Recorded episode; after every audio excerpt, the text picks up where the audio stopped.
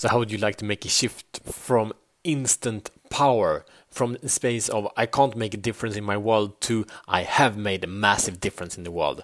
And this will leave you to never be able to feel triggered again by anything or anyone. Do you get that?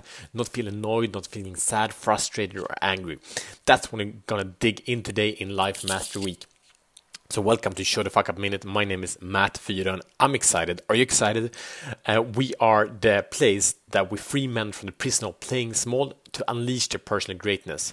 We do this to master the four areas that creates a meaningful life, being purpose, passion, power, and profit. So if you didn't listen to the previous episodes this week, go back, go and listen Monday, Tuesday, and Wednesday episodes because the life mastery doesn't happen by accident, doesn't happen by random. It's a process, it's a proven process. You can repeat it, you can do it in one area, then you can do it in the next area. You can choose purpose, power, profits, uh, or passion. You can start with any one area. If you go through this process, you do it one by one, you can dive it in even to smaller pieces than these four areas, you will master shit. I promise you that. Now we're on day uh, number four. So what we're going to dive into today is ownership. So uh, the problem is that you are here, and um, wherever you are, um, I bet that once a day at least you are frustrated, you're angry, you, you have these negative emotions. They're called negative, they're actually not negative, they're just signposts that call for you to change, set a new boundary, take action, right? That's what these so-called negative emotions are. They're actually positive if we learn from them. So you're here. And it might not be your fault that you are here with the struggles and the sufferings that you're experiencing now, right? It might be someone else fools, someone else stupid person's fault, right? So maybe you've been fooled by someone in business, someone, you know, took money from you, maybe you've been cheated by your partner, uh, maybe you're stressed out because your boss is a dick, um, maybe someone violated you, maybe you're imprisoned for uh, you're not guilty, right? Someone has violated or hurt you, right? And that sucks. It does. And but that, in that there is a story, and the story says, "I'm here because of them."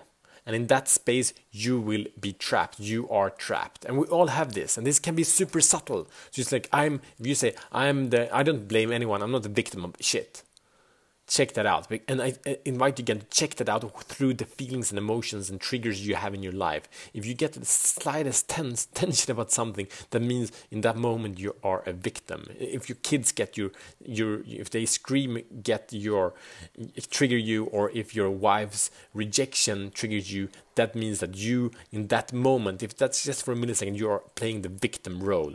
And the issue with the victim can't do shit. So in the area where you're playing the victim, it means that the victim do, does one thing. They're passively, they're waiting, they're waiting for someone to say, sorry, I was wrong, or something like that, right? And that means actually that you, you are have decided someone else is wrong and you're right, and you want to kind of be seen in that. Like you violated me, uh, you suck, you did it wrong, I'm right. and in that mindset, in that story, you are the convict of your conviction. You're imprisoned by that conviction of your rightness. They're wrong, you're right. But here is the thing. that, that, that story is not true. That's a truth, but it's not the truth with capital T. Because other people have been through the same shit or worse than you have. Is that true? Has other people been through the challenges and, and frustrations that you are in right now? You think so? If you've been cheated on, do you think someone has been cheated on in a worse way than you have? If you've been cheated on money, do you think someone has been cheated on money more than you? if you have bad health, do you think someone has worse health while being happier than you are now?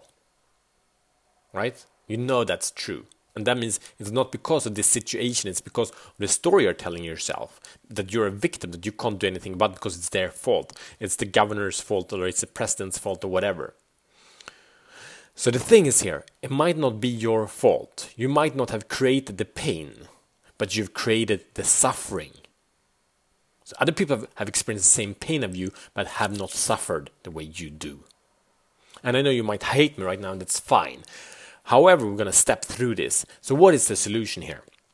On this step number four, uh, in the Show the Life Master framework, we it's actually day four, but it's step number three. We go from denial into personal power. This is the final step. We stepped into awareness to go from living in illusion to living in truth. Yesterday, we, we checked into the cost from neglecting the cost to actually recognizing all parts of the cost from living in our illusion. And we decided to handle the cost. Now we take full ownership from the place, the space that we are in. And that means when we step into leadership, uh, we go from victim uh, to leadership. And what that means is massive. Is massive because here nothing is out of your reach. Here is total freedom. so the situation is here is that it might not be your fault, but it is your responsibility. It's your responsibility from wherever you are now. It's your responsibility to move the fuck in the right direction, to show the fuck up, level up. It's your responsibility, it's your responsibility alone. The only person that your life matters to as much is you. You, you care 100% about your life. Others might care about you, and that's cool, but they do not care about you. You, they, you are not such a big part of their world, right? So your life is your responsibility your enjoyment, your experience is your responsibility and only come through one thing. It's taking 100% extreme ownership. Okay? So if you don't know, from this moment, I invite you to take full responsibility. And I said, the reason you are there where you are now, it might not be your fault, but it's your responsibility.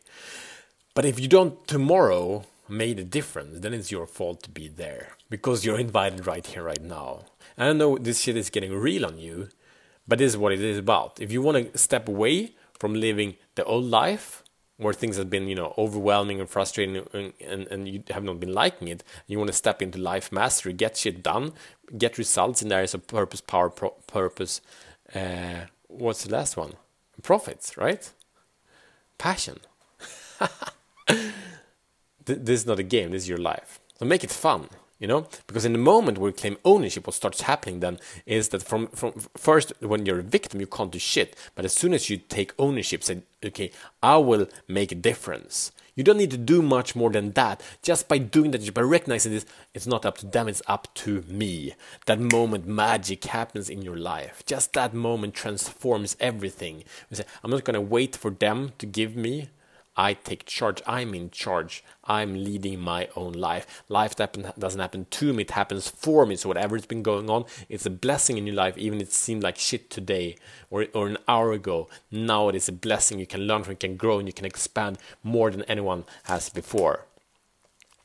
If you uh, have ever read the book Man's Search for Meaning by Dr. Uh, Frankl, something like that.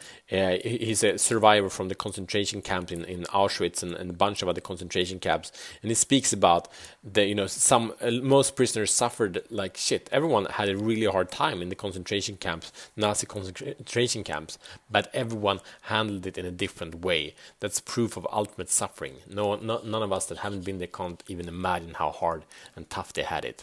Anyway, so now you're stepping up to ownership. So here is your mission. Should you choose to accept it? It is to say it. I'm no victim no more.